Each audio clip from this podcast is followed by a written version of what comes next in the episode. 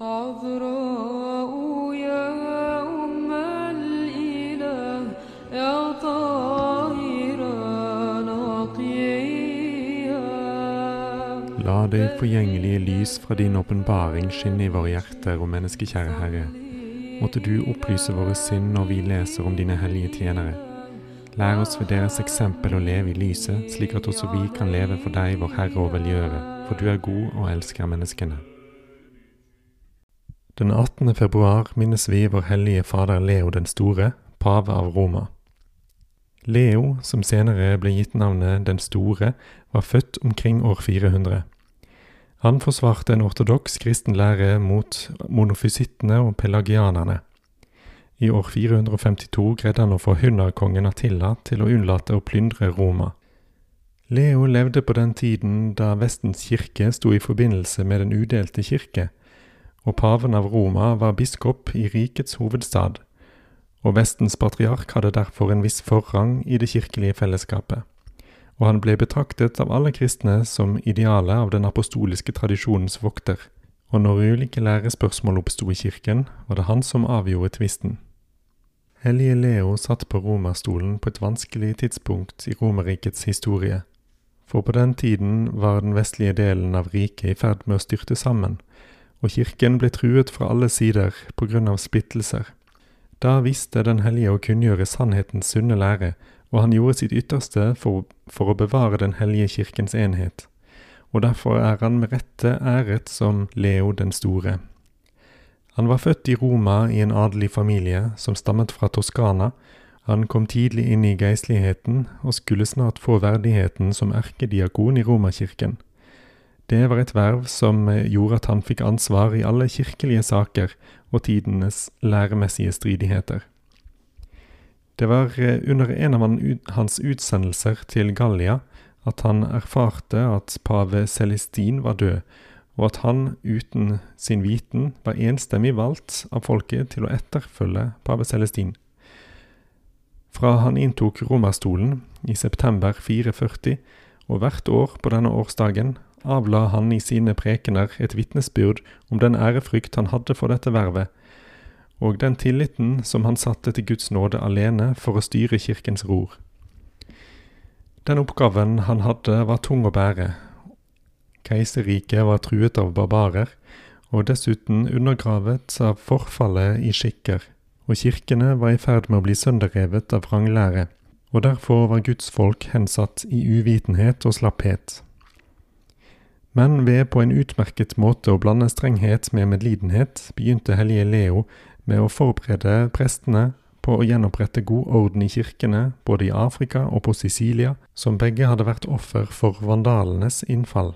I kirken i Illyria, som den gangen var avhengig av Roma, styrket han metropolitten av Tessalonikis autoritet, og fornyet også i Gallias kirke respekten for det kirkelige hierarkiet. Med en fin klarsynthet avslørte han de manikeiske kjetternes angrep, og ved, sitt feilfrie liv og ved den omhu som han la for dagen i innretningen av gudsdyrkelsen, og ved sin forkynnelse viste han biskopene og prestene eksempelet på den gode hyrde.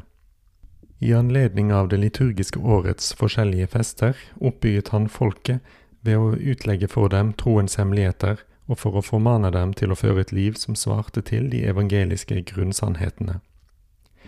Foruten dette pastorale virket er det særlig på det læremessige området at hellige Leo har fortjent kirkens æresbevisninger.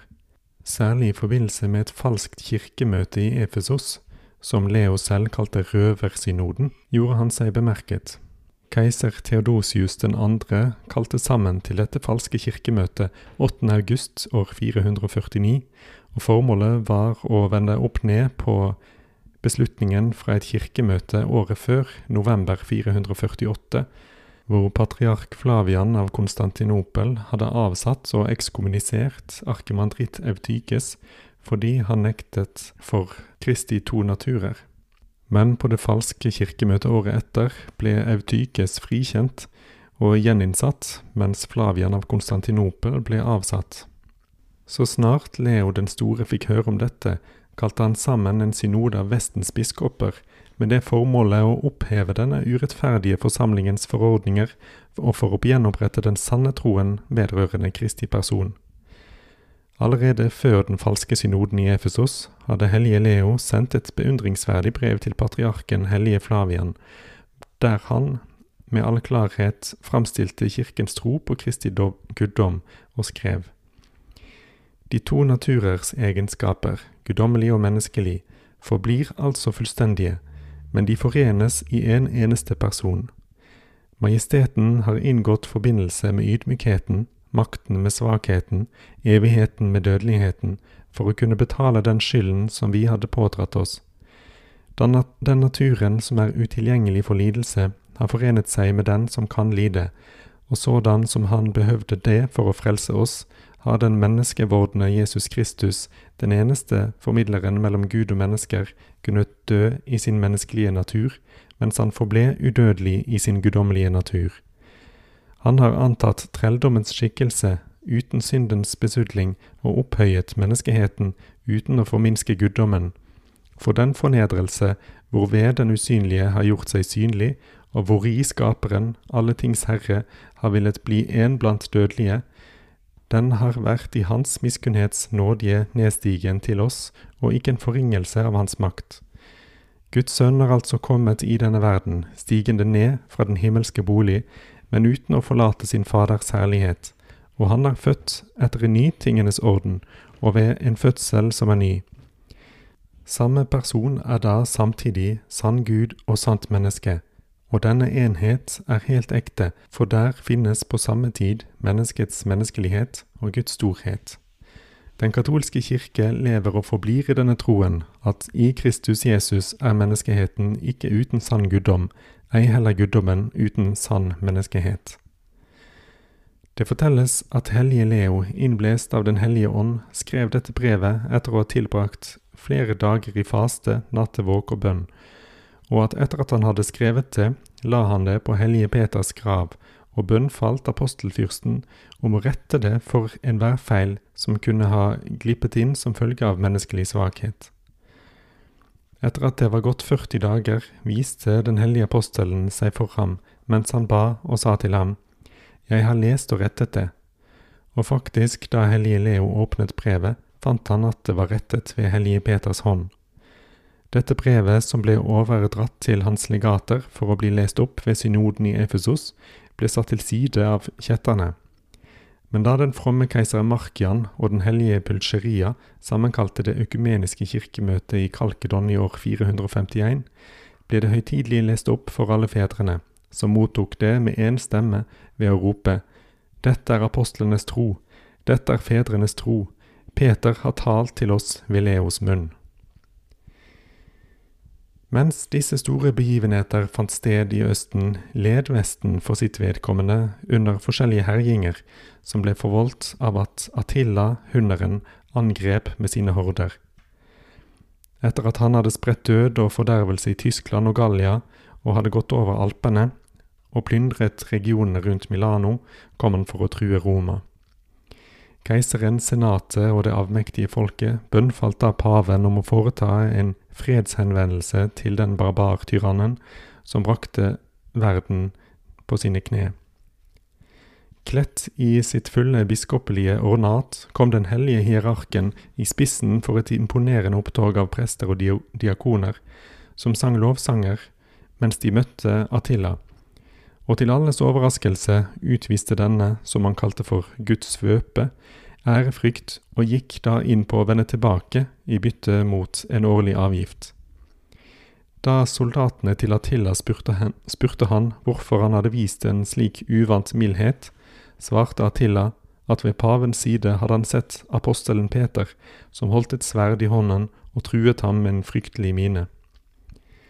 Slik ble Roma underfullt skånet, men bare for en kort tid, for det utakknemlige folket glemte straks Guds velgjerning og vendte seg til sine sedvanlige utsvevelser. Så dempet ikke Herren lenger sin vrede mot den stolte byen, men tillot at vandalene inntok byen og plyndret den i år 455. På ny la paven seg imellom og eh, spurte angriperne om de kunne la være å hogge ned befolkningen og la være å brenne bygningene. Og inntrengerne nøyde seg da med å ta et enormt bytte og føre en stor del av befolkningen, adelige og vanlige folk, i deportasjon. Så snart angrepet var overstått, virket Leo blant folk for å trøste de overlevende og for å istandsette de ødelagte kirkene så vidt mulig, og gjenopprette det kristne livet i den byen som tidligere hadde vært så herlig, og som nå stønnet under forfallet. Han oppnådde også å sende prester og en rekke almisser for å komme de deporterte i Afrika til hjelp.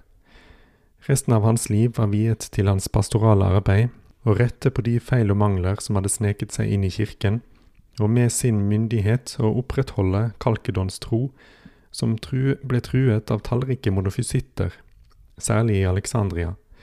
Han oppgav til sist sin sjel til Gud i året 461, etter å ha vært pave i 21 år.